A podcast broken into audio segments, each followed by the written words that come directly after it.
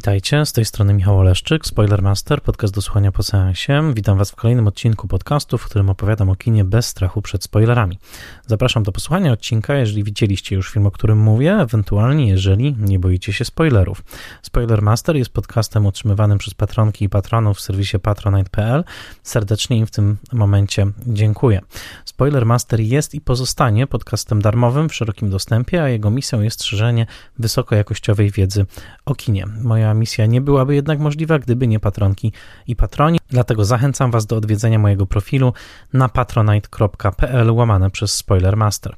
Szczególnie dziękuję moim patronkom i patronom imiennym, a zatem Festiwalowi Mediów Człowiek w Zagrożeniu, który odbędzie się w listopadzie bieżącego roku w Łodzi, Michałowi Hudolińskiemu ze strony Gotam w deszczu, Dianie Dąbrowskiej z Akademii Włoskiego Kina, Agnieszce Egeman, Odjemu Hendersonowi, Beacie Hołowni, Annie Jóźwiak, Tomaszowi Kopoczyńskiemu, Przemysławowi Bartnikowi, współautorowi podcastu James Bond Team.pl, Bartkowi Przybyszewskiemu z bloga Liczne Rany Kłute i podcastu o latach 90. Podcastex, Mateuszowi Stępniowi, Jerzemu Zawadzkiemu i Tomaszowi Mączce, autorom podcastu Let's Made Movies, prezentującego ciekawe analizy filmowe, blogowi Przygody Scenarzysty, prezentującego analizy scenariuszowe oraz portalowi Outfilm, oferującemu szeroki wybór filmów o tematyce LGBT. W dzisiejszym odcinku opowiem w ramach cyklu Spoiler Master Classic o jednym z najsłynniejszych filmów francuskich wszechczasów i zarazem jednym z najsłynniejszych filmów wszechczasów.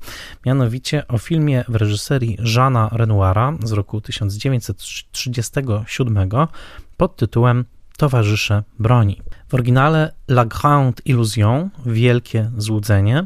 Film ten miał niesamowicie dobre przyjęcie w momencie swojej premiery, dwa lata przed II wojną światową, jednocześnie podsumowywał francuskie doświadczenia I wojny światowej i historyczny rekord, e, jaki do tego filmu należy, to fakt, e, czasami zapominany, że mm, film był nominowany do Oscara w kategorii najlepszy film na długo, długo zanim filmy międzynarodowe, czy obcojęzyczne, czy jakkolwiek je nazwiemy, były w ogóle rozważane w Oscarowych wyścigach. Kategorii najlepszy film anglojęzyczny jeszcze nawet nie było, ale ten film odbił się tak szerokim echem, uznano go za tak wielkie arcydzieło i uznano go także za film tak istotny w jego pacyfistycznej wymowie, że doczekał się właśnie tej prestiżowej nominacji od Akademii Filmowej. Co prawda w tym roku wygrał Frank Capra filmem Cieszmy się życiem, znanym także jako Pieniądze to nie wszystko, ale jednak pierwsza nominacja w kategorii najlepszy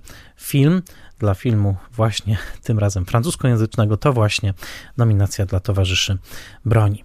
Opowiem Wam dzisiaj o twórcy tego filmu, Żanie Renoirze, opowiem o kontekstach jego powstania i opowiem o y, najważniejszych aspektach kreatywnych y, towarzyszy broni. Jest to zadanie onieśmielające, ponieważ sam film ma niebywale znakomitą reputację. Jest to film, do którego no, niemalże po 100 latach już obecnie wracamy, ale jest to zarazem film, który przez kolejne dekady w zasadzie tylko tę swoją reputację powiększał. Pauline Kael, amerykańska krytyczka filmowa, nie skora przecież do um, szafowania wielkimi pochwałami, nazwała nawet w roku 1961 Towarzyszy Broni największym osiągnięciem w historii kina narracyjnego. A zatem, jeżeli z takich ust podkreślam, niechętnych czym pochwałom padają takie słowa, to należy przynajmniej się nad tym filmem zatrzymać i zastanowić się, cóż było takiego w Towarzyszach Broni, że w momencie swojej premiery w roku 1937 ten film rzeczywiście zelektryzował publiczność e, i krytykę i był e, ważnym głosem w Europie, która, jak już za chwilkę miało się okazać, była na drodze do zatracenia i do kolejnej, nawet straszliwszej wojny niż ta pierwsza światowa, którą widzimy u Renoira na ekranie. Bohaterem odcinka oczywiście jest przede wszystkim Jean Renoir jako reżyser. Zdradzę, że mm, w tym roku i na początku przyszłego poświęcę jeszcze co najmniej dwa odcinki Spoilermastera innym filmom Renoira, a zatem chciałbym mm, troszkę dłużej zatrzymać się nad dziełem tego wybitnego reżysera, ale na to jeszcze przyjdzie czas. Natomiast zanim jeszcze opowiem o towarzyszach broni, jak zawsze wskażę na swoje źródła. Mianowicie przygotowując się do odcinka, zaglądałem do wielu publikacji, które bardzo pomogły mi w przygotowaniu dla Was tej dzisiejszej opowieści. A zatem korzystałem z książki Jerzego Płażewskiego pod tytułem Historia filmu francuskiego. Korzystałem ze specjalnego numeru filmu na świecie, wydanego w roku 1979, to numer 12, w którym zebrano pisma w polskim tłumaczeniu, pisma André Bazena poświęcone filmom Jeana Renoira. Korzystałem z autobiografii Jeana Renoira, która jest wydana po polsku pod tytułem Moje życie, moje filmy. To jest wydanie z roku 1978. Korzystałem także z książki pod tytułem Jean Renoir autorstwa Raymonda Durgnata. To jest brytyjski autor i to najsłynniejsza jest w ogóle książka o filmach Jeana Renoira, a także z książki Juliana Jacksona pod tytułem La Grande Illusion e, w serii BFI Classics, czyli e, opracowaniu takim historycznym poświęconym tylko i wyłącznie temu filmowi. Film Towarzysze broni, no właśnie, podpisał jako reżyser Jean Renoir i jak zawsze chciałbym dwa słowa powiedzieć o samym e, twórcy. Urodzony w roku 1894, syn jednego z najsłynniejszych e, malarzy francuskich, Pierre'a Augusta Renoira, dorastał w zbytku, luksusie i zarazem w e, takim poczuciu przynależności do artystycznej cyganerii, chciałoby się e, powiedzieć. Jean Renoir dorastał pod skrzydłami swojego wybitnego ojca i jak sam potem mówił w swojej autobiografii, w zasadzie całe życie później zastanawiał się i swoją sztuką się także zastanawiał, jak bardzo jego ojciec z tą e, malarską, taką impresjonistyczną wizją wpłynął na swojego, na swojego syna. Jakby powiedział Harold Bloom, sam Jean Renoir odczuwał duży lęk przed wpływem i zastanawiał się, czy to, co robi filmowo, to jest jedynie przedłużenie tego, co w malarstwie zapoczątkował Pierre Auguste Renoir, czy też jest to faktycznie oryginalna propozycja. Raymond Durgnat w książce, o której wspomniałem, mówi bardzo wyraźnie, że nie powinniśmy mówić o Żanie Renoirze przede wszystkim jako o synu wybitnego malarza, albowiem jest on artystą absolutnie w pełni tego słowa znaczeniu, na swoich własnych prawach i kto wie nawet, czy jego dzieło nie przewyższa dzieła znakomitego ojca. Rodzina w ogóle była utalentowana, bratanek Żana Renoira pracował także przy jego filmach, Claude i jego brat o imieniu Claude, także łatwo ich pomylić, również pracował często z Żanem Renoirem i tych przyległości było całkiem sporo, a warto pamiętać o tym, że jednak majątek Renoirów był na tyle spory, że Żana Renoira nigdy nie dotyczyły e, troski materialne. On zawsze żył dostatnio, y, nawet w momencie trudnym dla niego, to znaczy momencie, kiedy Francja mm, upada, rozpoczyna się Republika Vichy, rozpoczyna się II wojna światowa, on emigruje do Stanów Zjednoczonych, ale tam też udało mu się e, tę swoją egzystencję na wysokim poziomie utrzymać. A zatem nie mówimy o reżyserze, który musiał się wydobywać z nędzy, mówimy raczej o reżyserze, który pochodzi właśnie z takiego świata przywileju, dostatku i y, materialnego, e, materialnego spokoju, co nie zmienia faktu, że Jean Renoir od najmłodszych lat był bardzo mocno wyczulony na różnice klasowe i na nierówności klasowe, które go e, otaczały. W istocie twórczość Jeana Renoira będzie zawsze naznaczona spojrzeniem kogoś o poglądach mocno lewicujących, a na pewno kogoś wyczulonego właśnie na społeczne nierówności i na to, że dystrybucja bogactwa i nędzy na tym świecie niekoniecznie jest sprawiedliwa, a migracje w obrębie tych dwóch światów bywają zaskakujące, a czasami są znaczone na różne sposoby krwią. Filmy o tym, w jaki sposób ludzie przekraczają granice przyrodzonej im klasy, to filmy mm, liczne w, w filmografii Renoira. Najbardziej zjadliwym pamfletem na właśnie ową klasowość będzie film Reguła gry, nieprzypadkowo tak nazwany. Chodzi o pewną regułę gry społecznej, to rok 1939 dopiero, ale już Towarzysze Broni, czy właśnie owo Wielkie Złudzenie są filmem przede wszystkim także i o tym. E, to znaczy właśnie o klasowości, o tym w jaki sposób w ramach wojennego wysiłku następuje pewien proces y, fraternizacji, takiego, y, takiego braterstwa pomiędzy żołnierzami z bardzo różnych zakątków społecznej drabiny, a jednocześnie pytanie brzmi, unoszące się w tym filmie i scenariuszu, czy te więzi są autentyczne, czy rzeczywiście granice klasowe są przekraczane, czy to nie jest czasami tak, że po wojnie, kiedy mężczyźni owi wrócą z powrotem do swoich zawodów, do swoich prac, do swoich domostw, że tak naprawdę zajmą dokładnie te miejsca w drabinie społecznej, które wcześniej zajmowali i pozorne sojusze okażą się tylko złudzeniem. Tak jak w tytule e, w tytule filmu. Jean Renoir e, wcale nie chciał być od początku swojej drogi artystycznej filmowcem. Pierwszym przeznaczeniem dla niego miało być garncarstwo i zajmował się nim dosyć aktywnie i sam powiedział w pewnym momencie, że garncarstwo przypomina film. Raymond Dergnat, w książce, o której wspomniałem, przytacza następujący cytat z Renoira. Trafiłem do branży filmowej w sposób najbardziej naturalny z możliwych. Trudniłem się mianowicie garncarstwem. Malarstwo nigdy mnie nie kusiło, a garncarstwo spośród wszystkich gałęzi artystycznych jest najbliższe kino. Śmiejecie się? Lepiej posłuchajcie. Artysta ceramik wpierw projektuje naczynie, potem urabia glinę, glazuruje ją, wypieka, po czym po kilku godzinach wyjmuje z pieca coś zupełnie innego niż spodziewał się uzyskać. Dokładnie tak jest z kinem.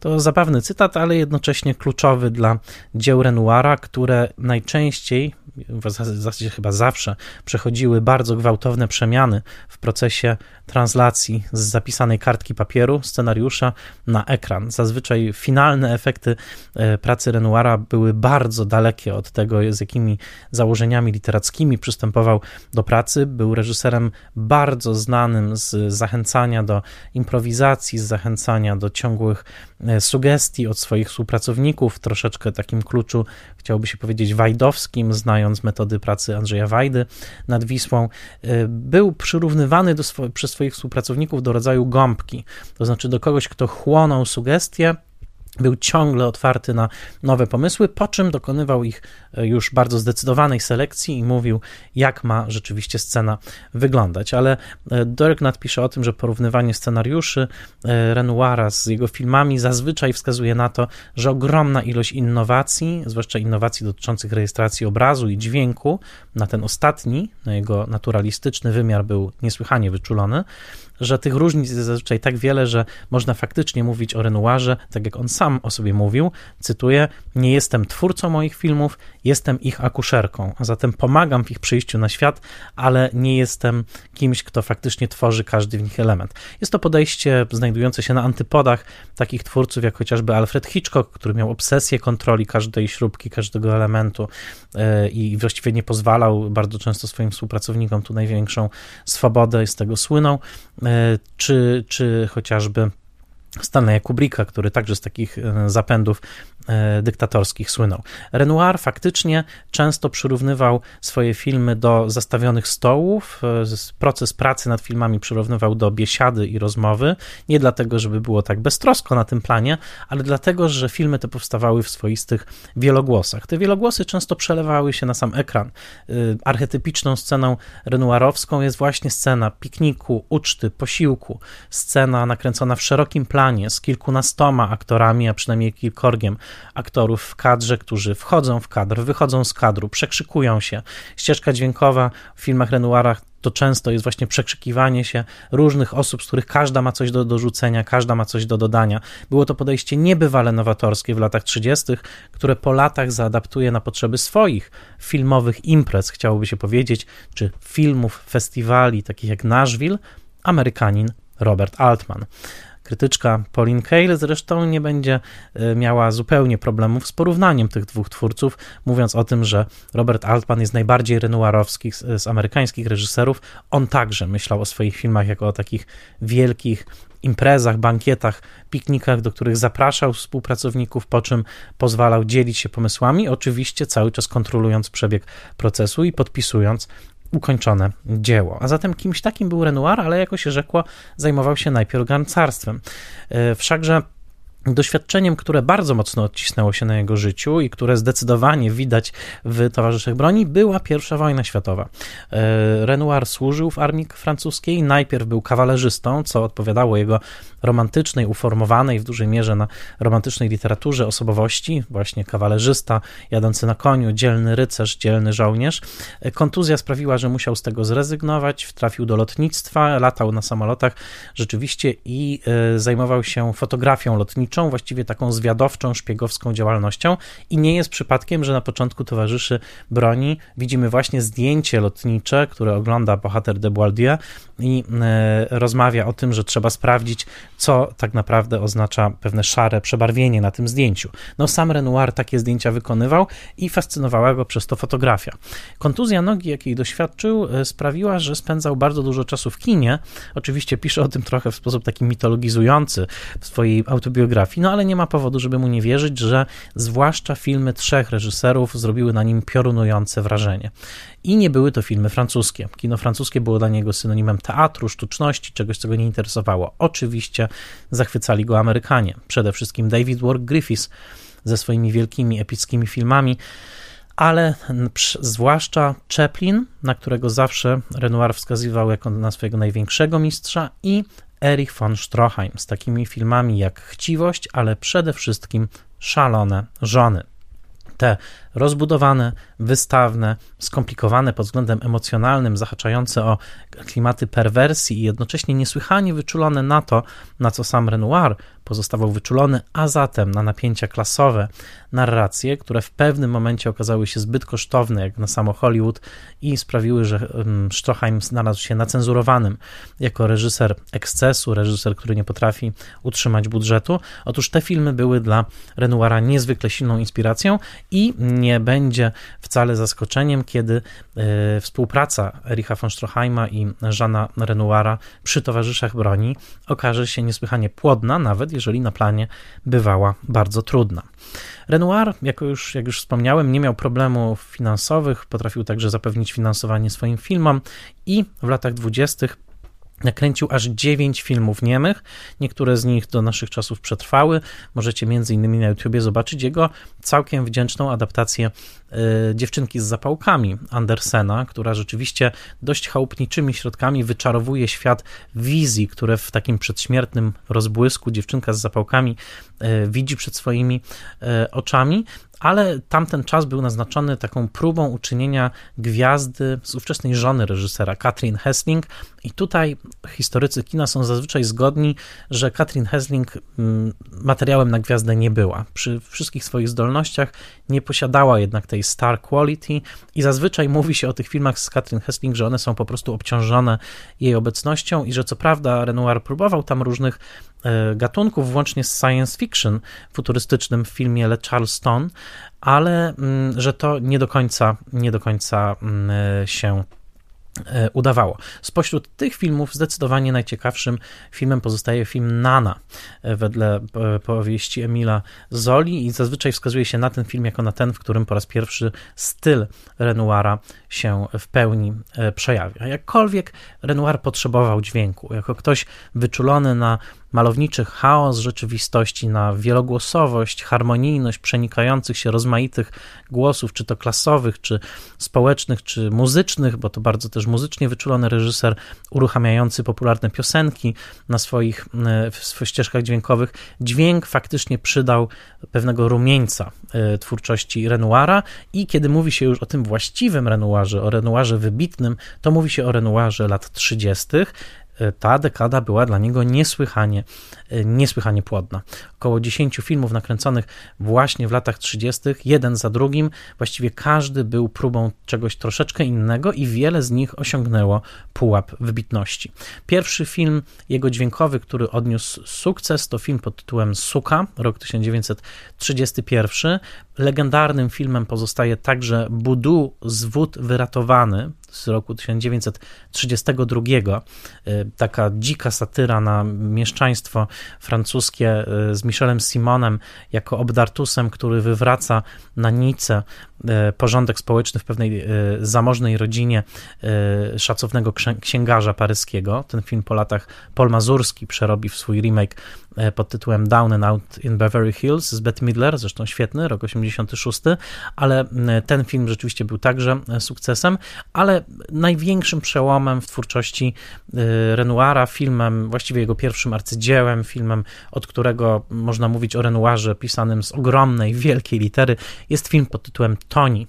Toni z roku 34, czasami podaje się 35, jest filmem rewolucyjnym, niesłychanie do dzisiaj świeżym. Przepięknym i bardzo godnym Waszej uwagi. Ten film zazwyczaj mówi się o nim jako o prekursorze neorealizmu. E, zresztą Lucchino Visconti, który będzie kładł zręby pod włoski neorealizm, był regularnym współpracownikiem Renoira, więc nie ma tutaj żadnego przypadku. Toni jest opowieścią osadzoną na południu Francji e, w, w środowisku e, robotników sezonowych, migrantów z Włoch i Hiszpanii, mówiących swoimi dialektami. Jest to film bardzo taki wielojęzyczny, co jest charakterystyczne dla Renoira i co też zobaczymy w Towarzyszach Broni. Film nakręcony bardzo blisko takiej społecznej rzeczywistości, biedy, nędzy, życia y, no, właściwie w, w ciągłej trasie, w ciągłej drodze. Obok Niebiańskich Dni jest to na pewno najpiękniejszy filmowy portret w ogóle robotników sezonowych i tej takiej nomadycznej egzystencji, a jednocześnie jest to film przesycony duchem romantycznym, duchem sensualnym. Jest tam niebywała scena erotyczna wysysania pszczelego jadu z pleców e, młodej hiszpańskiej dziewczyny przez właśnie owego tytułowego Toniego, która staje się rodzajem erotycznej gry do dzisiaj o wysokiej temperaturze. A zatem Toni był takim przełomem w jego twórczości i dowodem na to, że jest on po prostu reżyserem e, wybitnym. Ten sam czas połowy lat 30., którego kulminacją będzie dla Renoira nakręcenie Towarzyszy Broni, jest jego jest czasem jego ogromnego zaangażowania politycznego. Tak jak wspomniałem, był on mocno lewicujący, wręcz komunizujący, mimo że do komunistycznej partii nie należał, to zrealizował w roku 1937 e, film e, propagandowy dla partii komunistycznej francuskiej, a jednocześnie mocno identyfikował się z działaniami tak zwanego Frontu Ludowego, Le Front Populaire tamtego czasu. Były to, pamiętajmy, lata wielkich napięć społecznych, ekonomicznych we Francji, e, wzrostu dosyć potężnego politycznej prawicy o takim zacięciu nacjonalistycznym, antysemickim, włącznie z próbą puczu w roku 1934, która sprawiła, że rozmaite lewicowe i komunizujące i wprost komunistyczne partie francuskie połączyły się właśnie w tak zwany front ludowy, połączyły siły, na chwilę gubiąc, yy, chowając swoje niesnaski i niezgody, po to właśnie, żeby stworzyć rząd lewicowy, co rzeczywiście się udało. I połowa lat 30 jest zaznaczona takim silnym wzmożeniem tej polityki lewicowej i y, Renoir był tutaj, że tak powiem, na pierwszej linii frontu, na samej barykadzie, kręcąc filmy, czy to właśnie propagandowy wprost, jak Życie należy do nas, czy słynny film z roku 1936 pod tytułem Zbrodnia pana Lange, który jest zazwyczaj wskazywany jako taki archetypiczny film frontu ludowego, pokazujący w jaki sposób no, jakby kolektyw przejmuje władzę nad y, tyraniczną jednostką. A zatem w tym gorącym czasie politycznym, także przypieczętowanym realizacją przez e, Renoira e, filmu Ludzie z zaułka, opartego na e, słynnej sztuce Na dnie Maksyma Gorkiego, w tym czasie wykuwa się powoli koncepcja nakręcenia Towarzyszy Broni. I Towarzysze Broni są filmem, którego głównym scenarzystą jest Charles Spack, autor e, belgijski, ale którego źródła, którego jakby elementy, te puzzle, które stworzyły ów film, tak naprawdę są dosyć złożone. Elementy fabuły zaczerpnięte są z powieści niejakiego Jeana de Valeriego pod tytułem Cavalier Schanhorz, e, który później zresztą próbował pozwać Renoira za plagiat, to się nie udało. Fragmenty pochodzą ze wspomnień samego Renoira, który przecież służył w trakcie I wojny światowej, e, a zatem był także w tym względzie takim świadkiem, e, no, można powiedzieć, z pierwszej linii, z pierwszej linii frontu, a zatem jego wspomnienia zostały tutaj uruchomione, a także pewnego pilota, niejakiego majora Pinzarda, którego Renoir poznał w trakcie wojny i który opowiadał mu bardzo dużo różnych historii właśnie z tamtego, mm, z tamtego okresu. I te różne wpływy stworzyły scenariusz podpisany przez Spaka, który był przede wszystkim scenariuszem o ucieczce, o ucieczce z obozu dla oficerów z Owlagu, e, i był, to, był, to była to taka opowieść wojenna, ale właśnie o więźniach obozu jenieckiego, który planują, którzy planują ucieczkę. Ktokolwiek już z Was widział film, ten wie, że faktycznie cała struktura towarzyszy broni to w zasadzie kolejne próby wydostania się głównych bohaterów z owego e, obozu, przy czym bohaterów jest wielu, co bardzo istotne, jest tutaj zachowana ta wielogłosowość. Na czele jednak, e, na czoło wysuwają się dwaj bohaterowie, grany przez Żana Gabena, pułkownik Marszal, czy Maréchal i grany przez Pierre Frenay, kapitan de Boieldieu. Marshal i de Boieldieu będą tymi centralnymi postaciami. Wokół nich jest jeszcze kilku innych, innymi aktor imieniem Cartier, zagrany przez Juliana Careta, jest nauczyciel, grany przez Jeana Dasté, którego możecie pamiętać z Atalanty, o której tutaj opowiadałem. To przecież on był e, kapitanem barki rzecznej w tym filmie. Swoją drogą w Towarzyszach Broni gra, gra też Dita Parlo, szczecinianka, którą pamiętamy z Atalanty, ale ona pojawia się jako Niemka El Elsa dopiero później w filmie. E, nauczyciel języka greckiego i o nazwisku Demolde i tak dalej. E, a przede wszystkim mamy tutaj ważnego bohatera żydowskiego, zagranego przez Marcela Dalio, niejakiego pułkownika Rosenthala. Jego żydowskość będzie bardzo istotnym elementem i fabuły, i wymowy całego filmu, ale o tym za chwilę. A zatem Charles Spack we współpracy z Renoirem napisali przede wszystkim taką historię o próbach ucieczki z niemieckiego obozu, później na koniec z niemieckiej e, twierdzy. Aczkolwiek materiał przechodził dosyć gwałtowne zmiany. Na początku żaden producent nie chciał dofinansować tego filmu. Wydawało się, że ma on za mało komercyjną strukturę, a przede wszystkim nie miał de facto historii miłosnej i nie miał jednego wyrazistego bohatera, takiego właśnie nieustraszonego, który mógłby się kojarzyć z jakimś superbohaterem. I było to wątpliwe, czy tutaj w ogóle jest jakaś jedna historia do opowiedzenia, czy raczej jest to taki zbiór rodzajowych scenek. Kiedy y, zainteresowanie udziałem w filmie wyraził Jean Gabin, który był wówczas już najważniejszym aktorem francuskim, wnoszącym taki swój, jak to się mówiło, mm, proletariacko-poetycki sznyt do swoich ról filmowych. Nagle wszystko się zmieniło i znalazły się pieniądze na produkcję, mm, na produkcję tego filmu. Aczkolwiek scenariusz zmieniał się tak bardzo, że Charles Spack koniec końców był tak obrażony na Jeana Renoira, że nie przyszedł na premierę Towarzyszy Broni. Jean Renoir potem wysłał mu list przepraszający. No to tylko dowodzi na to, że czasami scenariusze naprawdę bardzo zmieniają się w trakcie produkcji. No i tutaj Charles Spack był naprawdę niezadowolony z tego, jak mocno film końcowy odbiegał od jego intencji. Paradoks polega na tym, że te wszystkie interwencje Renoira jednak zaowocowały arcydziełem, a zatem no, kolejne wydarzenie do historii filmowych paradoksów. Ale fakt faktem Charles Spack ze zmian zadowolony nie był. Zmiany miały charakter rozmaity, ale przede wszystkim główną zmianą było to, że kiedy producent zaangażował do roli niejakiego von Raffensteina, to znaczy niemieckiego oficera, który odnajduje pewne pokrewieństwo świata wartości i świata klasy społecznej z kapitanem de Baldier, innymi słowy, patrzy jak jeden arystokrata na drugiego arystokratę, kiedy do tej roli zaangażowano Ericha von Stroheima, czyli mistrza Renoira, czyli autora Szalonych Żon i Chciwości, które dekadę wcześniej tak mocno Renoira zachwyciły, a jednocześnie bardzo wyrazistego i trudnego w obsłudze aktora, który słynął z tego, że był, jak głosiły ówczesne nagłówki, człowiekiem, którego kochacie nienawidzić.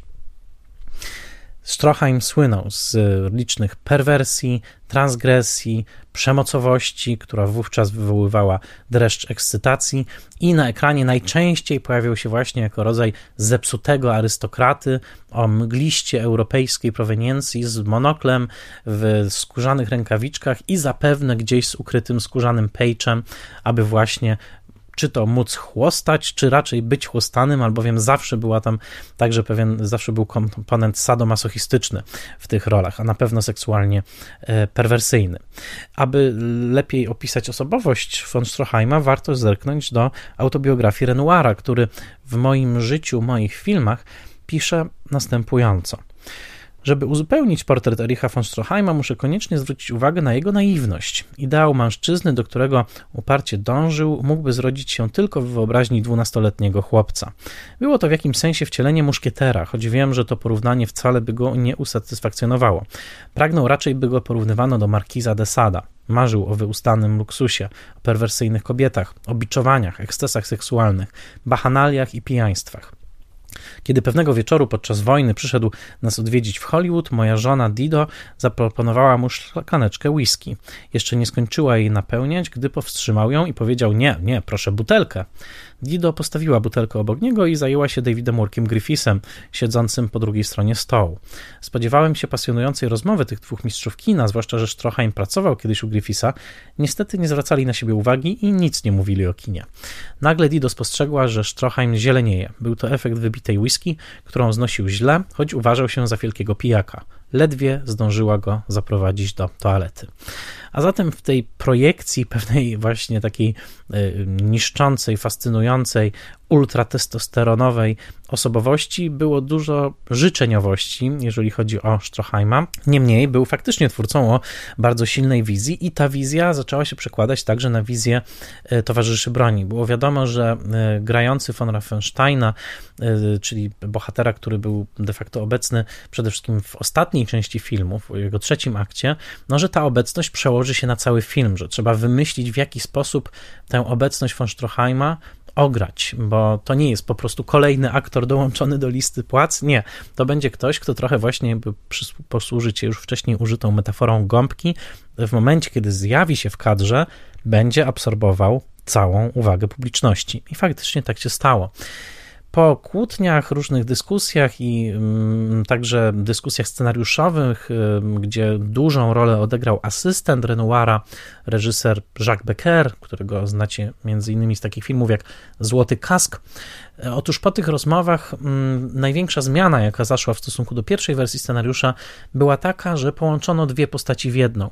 W pierwszej wersji niemiecki oficer, który na początku e, zestrzelił samolot, którym lecieli Debaldieu i Maréchal, e, był inną postacią niż niemiecki oficer, e, nadzorca E, twierdzy, z której koniec końców bohaterowie uciekają w akcie trzecim. To było dwóch oddzielnych Niemców.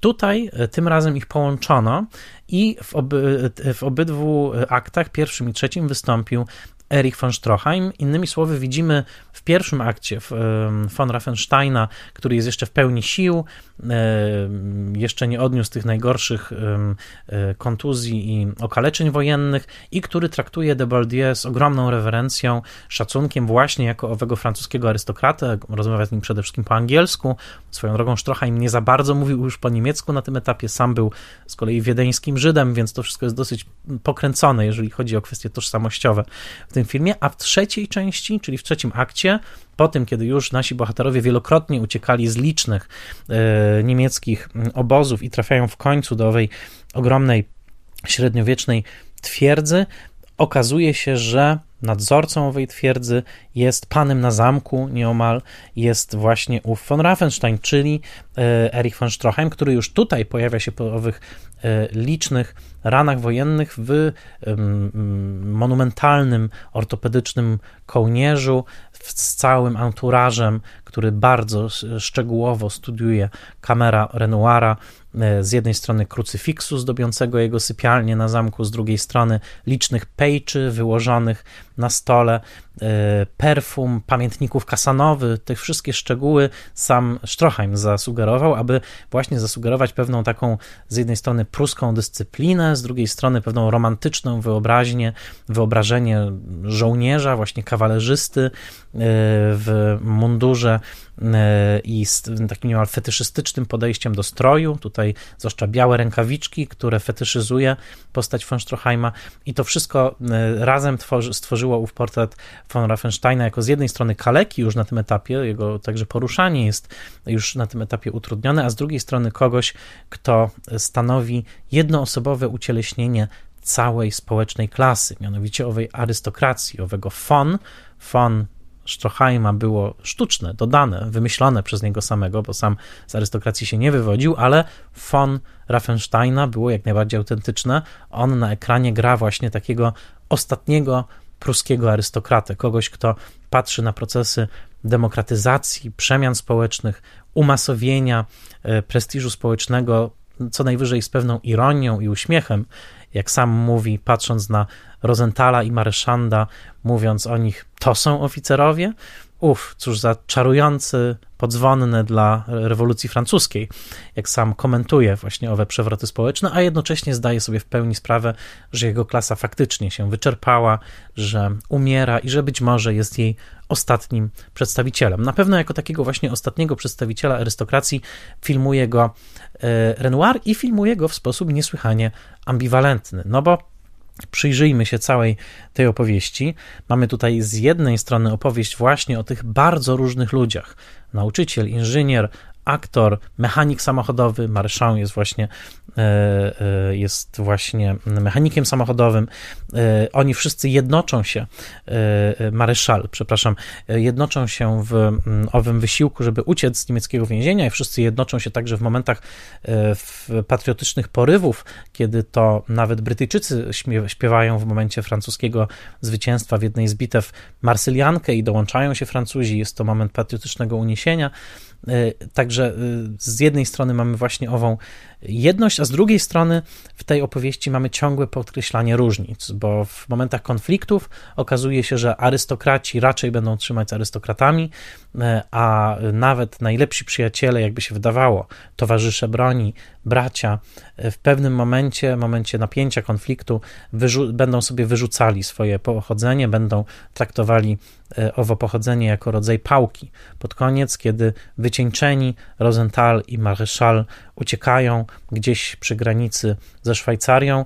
E, Maryszal zaczyna wrzeszczeć na Rosenthala, mówiąc, że zawsze nienawidził Żydów, mimo że od tego Żyda Rosenthala doświadczył samych dobrych rzeczy, bo przecież widzieliśmy z jaką szczodrością dzielił się Rosenthal swoim, e, swoimi paczkami e, żywnościowymi, które otrzymywał w Oflagu i którymi dzielił się ze swoimi, ze swoimi mm, współwięźniami w sposób bardzo szczodry. A zatem w ostatecznym rachunku bywa tak, że owe więzy stają się iluzją, że owe więzy są przez chwilę tylko funkcjonujące, dopóki sytuacja temu sprzyja, ale kiedy sytuacja przestaje temu sprzyjać, te więzy okazują się iluzorycznie, iluzoryczne, a na czele oczywiście Mamy tutaj przykład swoistej zdrady etosu arystokratycznego, jakiej dokonuje e, de Boieldieu w momencie, kiedy okłamuje von Raffensteina, twierdząc, że więźniowie nie planują żadnej ucieczki, oczywiście wie dobrze, że planują, po czym grając na fujarce, mimo że wcześniej twierdził, że tego bardzo nie lubi, odwraca uwagę pościgu, odwraca uwagę von Raffensteina po to, aby dwóch parweniuszy, chciałoby się powiedzieć. Jeden e, mechanik samochodowy Marszal, a drugi e, właśnie pogardzany przez francuskich arystokratów Żyd, Nouworyż, Rosenthal, mogli uciec bezpiecznie i mogli ocalić swoje życie. Strzelający do Deobaldia von Ravenstein faktycznie strzela do swojego towarzysza w klasie społecznej, ponieważ taki jest jego obowiązek militarny, ale potem bardzo tego żałuje i długa scena czułego pożegnania przy łożu śmierci de Boieldieu, kiedy to Pierre Frenay w rytm bardzo podniosłej muzyki Józefa Kosmy umiera właśnie na tym łożu, przypomina scenę miłosnego pożegnania, zresztą tak reżyserował to Renoir, mówiąc von Stroheimowi, że powinien spoglądać na de Boieldieu, powinien spoglądać na Pierre'a Frenet z miłością, tak jakby patrzył na swoją kochankę. I widać w tej scenie, przy czym nie ma to koniecznie wymiaru jednoznacznie homoerotycznego, bo to nie jest opowieść o, e, o, o mężczyźnie zakochanym w drugim mężczyźnie, ale jest tam taki podtekst, to znaczy jest e, e, wyraźnie powiedziane, że ten rodzaj czułości i tkliwości i błyskawicznej lojalności, jaką instynktownie odczuwa von Raffenstein w stosunku do de Boieldieu, ma w sobie coś z miłości, zakochania, właśnie z takiego oddania na śmierć i życie. A zatem, kiedy von Raffenstein żegna e, de Boieldieu, kiedy de Boieldieu już umiera i von Raffenstein w akcie żałoby bierze sekator i ścina jedyną roślinę, jedyny kwiat, który rośnie w całej owej niemieckiej twierdzy, geranium, które wcześniej tak czule pielęgnował, ścina je w akcie żałoby, a jednocześnie w akcie przypieczętowania faktu, że razem z odejściem de Boieldieu odchodzą ostatnie życiowe soki klasy arystokratycznej, do której obydwa, obydwaj mężczyźni należą i że jakikolwiek świat przyjdzie po nich, będzie to już świat pozbawiony tych zasad rycerstwa, jedności klasowej mm, i pewnego noblesse oblige, czyli szlachectwo zobowiązuje, jakie wyznaczało kompas moralny von Raffensteinów i de Boieldieu. A zatem ten element jest tutaj bardzo tak naprawdę złożony, ponieważ kiedy oglądamy ten niemal dwugodzinny film, to widzimy przede wszystkim, jak już wspomniałem, scenki rodzajowe, których mnogość musi wzbudzać zachwyt. Renoir opowiada w sposób tak lekki i tak szybki, że często zapominamy po paru latach od obejrzenia e, Towarzyszy Broni, jak wiele jest tam detali, jak wiele jest tam szczegółów, drobnych e, pomysłów Renoira inscenizacyjnych, które sprawiają, że sceny stają się bardzo pogłębione i jednocześnie oryginalne. Jak na przykład scena, w której jeden więzień myje e, marszalowi nogi, dlatego że ten ma rękę na temblaku, albo scena, w której niemiecki żołnierz oferuje e, marszalowi e, pocięcie mięsa na talerzu, dlatego że właśnie ten jest ranny i nie może sobie pociąć kotleta na talerzu, a ten Niemiec właśnie w akcie takiej solidarności chce mu to pociąć. Scena, w której trzech niemieckich strażników rozmawia o tym, jak wspaniałe frykasy jedzą więźniowie E, e, korzystając z paczek od rodziny Rosenthala, podczas kiedy oni sami muszą jeść niedobrą e, kapustę. Niesamowite sceny teatralne z pewnym elementem przesady czy teatralnej sztuczności, które jednak wspaniale włączają się w fakturę towarzyszy broni. Jak chociażby moment, kiedy cała grupa więźniów, współwięźniowie z jednej celi, po zamknięciu drzwi, po wieczornym apelu, zaczynają nagle kopać tunel, e, wracają do kopania tunelu, co robią każdej nocy, ale kiedy przygotowują się do tego, kiedy wyjmują narzędzia, kiedy zaciągają kotary na oknie, kiedy blokują drzwi, robią to w rodzaju baletowego porozumienia. Tak jakby tańczyli balet, jeden drugiemu podaje krzesło, jeden drugiemu podaje bezgłośnie kotarę, znają dokładnie choreografię tego ruchu i nagle scena tworzy się baletowa, teatralna, zupełnie odrealniona. Podobnie w momencie zresztą, kiedy de Boieldieu grając na fujarce, jak tutaj pisze jeden z badaczy, niemalże jak grecki Bóg Pan, któremu e, Renoir poświęcał wiele scen w różnych swoich filmach, kiedy siedzi na takim podwyższeniu, pięknie oświetlony i w teatralnym geście, machając nogą, skupia na sobie uwagę wszystkich Niemców po to, aby, no właśnie, odwrócić ich czujność i pozwolić Marszalowi i e, Rosenthalowi uciec z e, twierdzy. E, tych momentów jest tutaj tak ogromnie dużo, i że ilekroć ja ten film pewnie widziałem w życiu około 4 czy 5 razy, zawsze jestem zaskoczony ich mnogością i zawsze jestem zaskoczony, jak wiele jest momentów bardzo odważnych i zupełnie oryginalnych, których w zasadzie próżno szukać w dziele jakiegokolwiek innego reżysera. I tutaj trzeba wyróżnić na pewno scenę kabaretowego występu, kiedy grupa angielskich żołnierzy e, śpiewa w strojach kobiecych i śpiewają swoją e, e, angielską piosenkę, a jednocześnie widzimy żołnierzy, którzy patrzą na nich oczarowani, tak jakby patrzyli na prawdziwe kobiety, ponieważ są tak za kobietami stęsknieni. Motyw tęsknoty za światem kobiecym jest od pierwszej sceny wygrywany, bo pierwszy moment w Towarzyszach Broni to przecież Jean Gabin jako marszal pochylony nad adapterem, gdzie kręci się płyta i słyszymy piosenkę Fru Fru. On śpiewa sobie pod nosem Fru Fru i właśnie planuje wizytę u swojej kochanki e, na przepustce. Niestety natychmiastowy rozkaz wylotu wspólnego z de Boieldieu ten plan niweczy, ale jednak jest podkreślane w tym filmie u reżysera, który był niebywale wyczulony na zmysłową stronę życia, że ci mężczyźni ciągle za owymi kobietami tęsknią. Przedziwny, niesamowity moment, kiedy jeden z tych żołnierzy w trakcie przygotowań do kabaretowego występu nakłada na siebie suknię i mimo, że wygląda w niej dość pokracznie, jak sam mówi, jest to droll, czyli śmieszne, jak wygląda, ci mężczyźni milkną i patrzą na niego, dlatego że tak nagle jakby przed ich oczami przemazał się powidok jakiejś zapamiętanej, pięknej kobiety, która ich kiedyś zachwyciła. I milkną i patrzą na niego z wielką rewerencją, a może nawet z pożądaniem. Jest to niesamowity moment i chyba najbardziej niezwykły moment, który aż dziw, że cenzura tamtego czasu na niego pozwoliła, chyba po prostu przez wzgląd na ogromną siłę patriotycznego uniesienia, jaka jest w tej scenie, mianowicie moment, w którym występujący na scenie Brytyjczycy w kobiecych strojach nagle otrzymują wiadomość o tym, że francuska armia odniosła niewielkie zwycięstwo y, militarne i natychmiast ściągają peruki, ale nadal w pełnym, dzisiaj powiedzielibyśmy, dragu, y, w szminkach, w mm, kobiecych fatałaszkach zaczynają śpiewać marsyliankę. I ta marsylianka brzmi niesłychanie donośle, niesłychanie podniośle, mimo faktu, a może właśnie dlatego, że śpiewają ją ludzie i ubrani w mundury, i ubrani w te kobiece stroje, w sytuacji, która wskazywałaby na jakąś niebywałą frywolność, na karnawałowe odwrócenie ról, a jednak widok tych uszminkowanych mężczyzn w pełnym makijażu, z twarzami pokrytymi pudrem, śpiewających marsyljankę, nagle dodaje tej pieśni jeszcze więcej siły, albowiem czujemy, że ich miłość ojczyzny jest czymś tak głębokim, że wszelkie, czy to militarne, czy to kobiece stroje nie mają w tym momencie znaczenia, dlatego że śpiewają oni prosto, prosto z serca. Tych momentów, tak jak wspomniałem, jest tutaj niesłychanie dużo i w zasadzie moglibyśmy spędzić pewnie drugie tyle, wyliczając je wszystkie, ale warto zwrócić uwagę na to, że te momenty są zasługą niebywałej metody twórczej Renoira, który z jednej strony stawiał na dość długie ujęcia. Ten film ma tylko około 300 ujęć, wtedy dwugodzinne filmy francuskie miały około 400 ujęć, a zatem często mamy kamerę, która kluczy, krąży, okrąża stoły, podąża w jednej przestrzeni i pokazuje nam detale, następnie skupia się na grupkach ludzkich. Pod tym względem ten film nawet dzisiaj byłby trudny do realizacji. Zwróćcie uwagę, jak dużo jest tutaj scen, w której zaczynamy od jakiegoś detalu, po czym kamera wykonuje skomplikowany balet trwający często więcej niż minutę przez przestrzeń, właśnie przez ludzkie grupki, przez ludzkie indywidua, pokazując nam niebywałą mnogość zachowań i, yy, i, i szczegółów fabularnych. Tego jest tutaj niesłychanie dużo. Dźwięk w tym filmie jest bardzo dopracowany.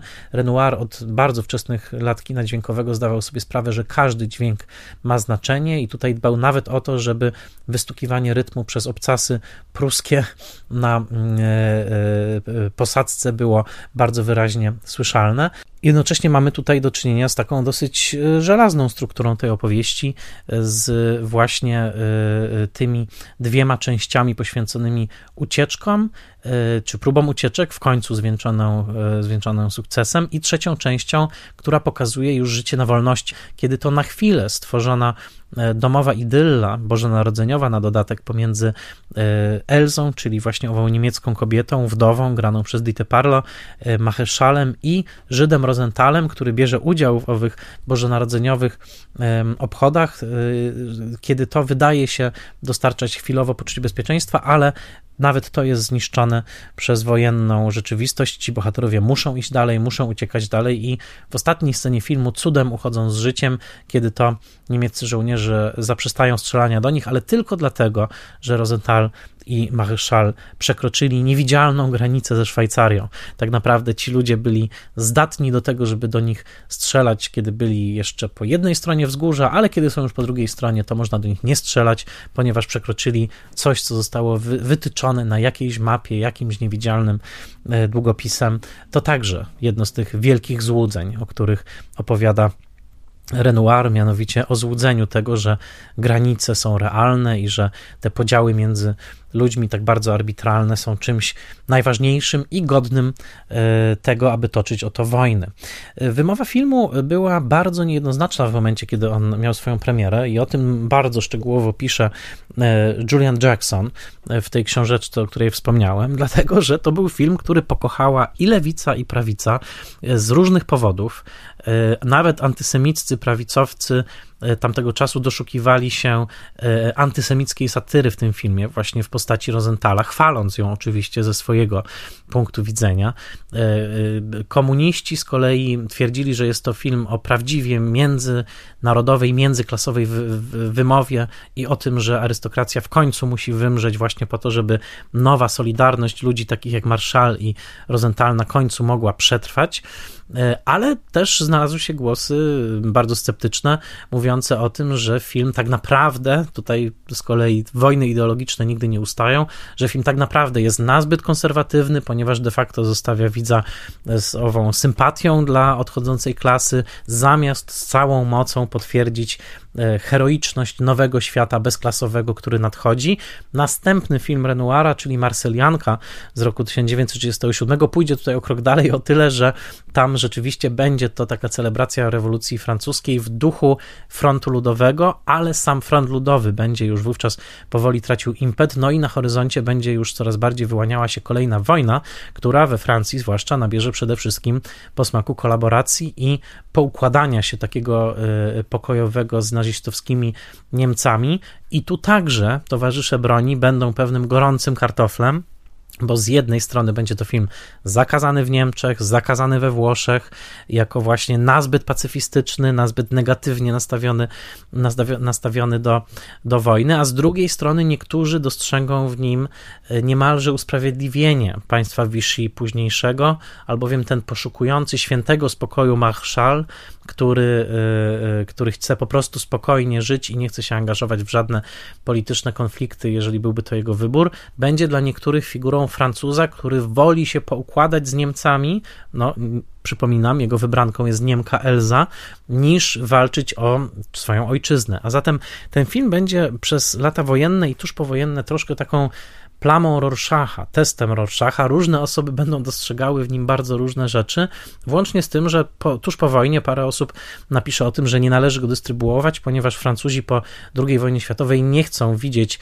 sympatycznych Niemców na ekranie, a von Raffenstein jest jednak sympatyczny, a już na pewno nie chcą widzieć obrazów obozów jenieckich, w których jeńcy jedzą lepiej niż sami Niemcy, albowiem ta rzeczywistość zupełnie nie odpowiada e, rzeczywistości II wojny światowej. Renoir bronił się, mówiąc, że robił swój film o Niemcach z I wojny światowej, a nie z II, ale film był problematyczny przez pewien moment, co nie przeszkadzało e, widzom, ponieważ widzowie zawsze ten film bardzo lubili i ten film ilekroć był wprowadzany po wojnie, mimo że to była wersja jeszcze skrócona, naznaczona licznymi wojennymi cięciami cenzorskimi, e, zawsze chętnie do tego filmu filmu wracali. Dopiero w drugiej połowie lat 50., kiedy także Renoir przyjedzie ponownie do Francji, ten film zostanie zaprezentowany, nastąpi jego ponowna premiera. No i jako, że wówczas już z kolei polityka niemiecka i francuska będą o wiele bliżej siebie, to ten film będzie także takim filmem na nowe czasy, nowych stosunków ekonomiczno-politycznych, a zatem odegra jeszcze kolejną rolę w budowaniu pewnych mostów.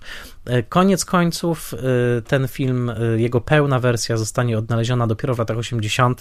Renoir nie dożyje odnalezienia pełnej wersji. My możemy się tą pełną wersją cieszyć. Ona miała swoją premierę w roku 1997. Wcześniejsze wersje zazwyczaj nosiły jakieś cenzorskie e, ślady, jakichś cenzorskich nożyc, zwłaszcza właśnie jeżeli chodzi o te cierniste kwestie stosunków francusko-niemieckich, ale także francusko-żydowskich, e, kwestii antysemityzmu, kwestii tego, jak jest postrzegana postać Rosenthala.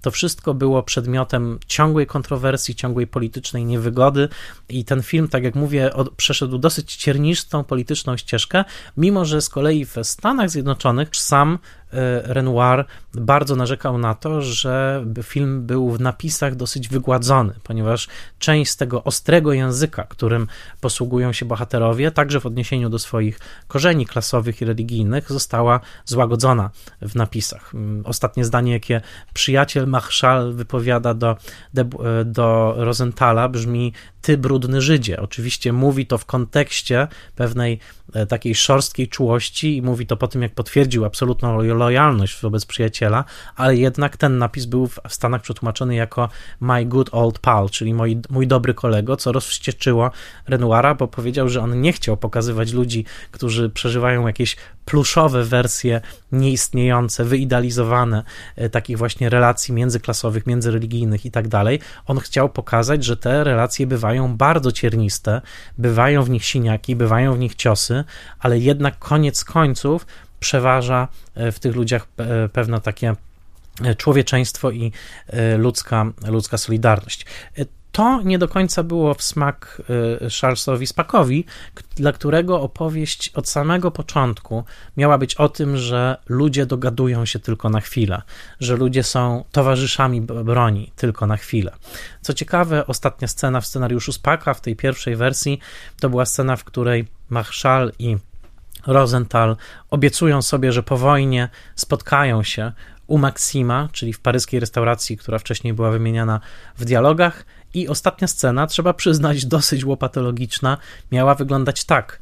Oni przekraczają granicę ze Szwajcarią, odchodzą w śnieżną dal, po czym napis kilka lat później i widzimy już obrazek pustego stolika u Maksima. W ten wieczór, parę lat później, kiedy mieli się spotkać, ani jeden przyjaciel, ani drugi towarzysz broni nie znaleźli się przy tym stole, nie chcieli już się spotkać po latach, najwyraźniej właśnie owa solidarność była tylko na chwilę. I ten ironiczny obraz pustego stolika, przy którym rzekomi przyjaciele, rzekomi towarzysze, żyjący w wielkim złudzeniu tego, że wojna jednoczy ludzi, faktycznie się nie spotkali. To miał być ostatni obrazek tego filmu. Dobrze, że się tak nie stało, ponieważ dzięki temu mamy ostatni obrazek w postaci owych, owych dwojga mężczyzn odchodzących w siną dal i pytanie, czy Marszal wróci do kochanki Elzy, czy ci mężczyźni będą się jeszcze po wojnie lubić, czy będą nadal towarzyszami, czy też Rosenthal wró- wróci do swojego luksusu w domu towarowym, którego jest właścicielem, a Marszal będzie nadal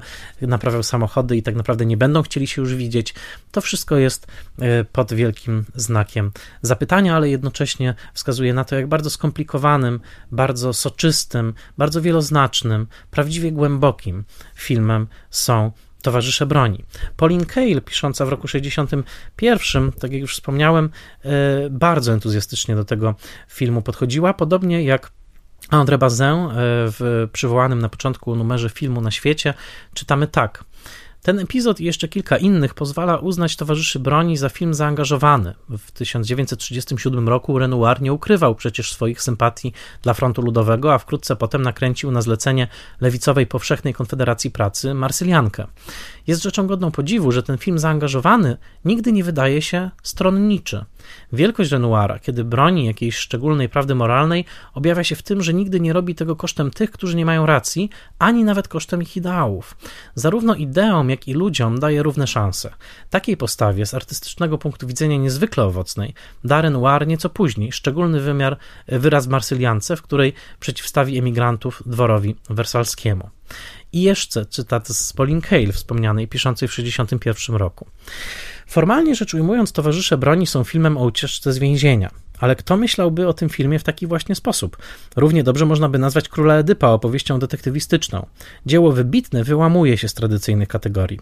Towarzysze broni są głębokim studium tęsknot ludzkich i subtelnych barier klasowych. W trakcie I wojny światowej Dwaj arystokraci, niemiecki dowódca obozu von Raffenstein i schwytany oficer francuski de Boldieu współdzielą ze sobą świat wspomnień i dawnych przywiązań. Choć klasa, do której przynależą, jest skazana na zagładę w wyniku zmian sprowokowanych przez wojnę, obydwaj mężczyźni muszą odgrywać rytuał noblesse oblige i służyć nacjonalizmom, w które żaden z nich nie wierzy.